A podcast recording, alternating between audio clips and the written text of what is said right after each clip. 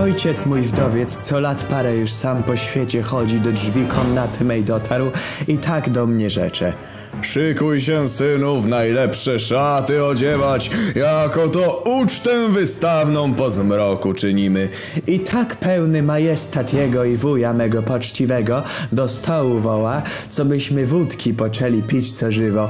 Po dwóch butelczynach dawno już w niepamięć posłanych, słuch mój wytęża się, gdy ojciec radości prawić poczyna o damie swej, która kto głowę jemu od tygodni zakręca.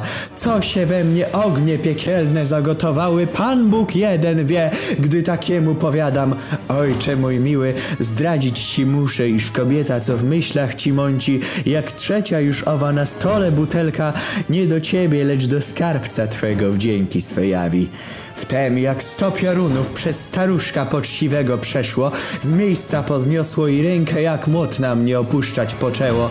Jam jako atleta nielichy, wyprzedziwszy ruch jego ciosy śmiertelne na korpus, wszcząłem wymierzać. Marne to jednak na nim wrażenie odniosło, gdyż w mig odpowiedzi słane na mym chudym ciele poczułem. Znienacka na kontusz wystawny mnie pojął, co me ramiona okrywa, gdy do panien urodziwych posyłam oblicze i wszystkie guzichy rychło diabły posłał.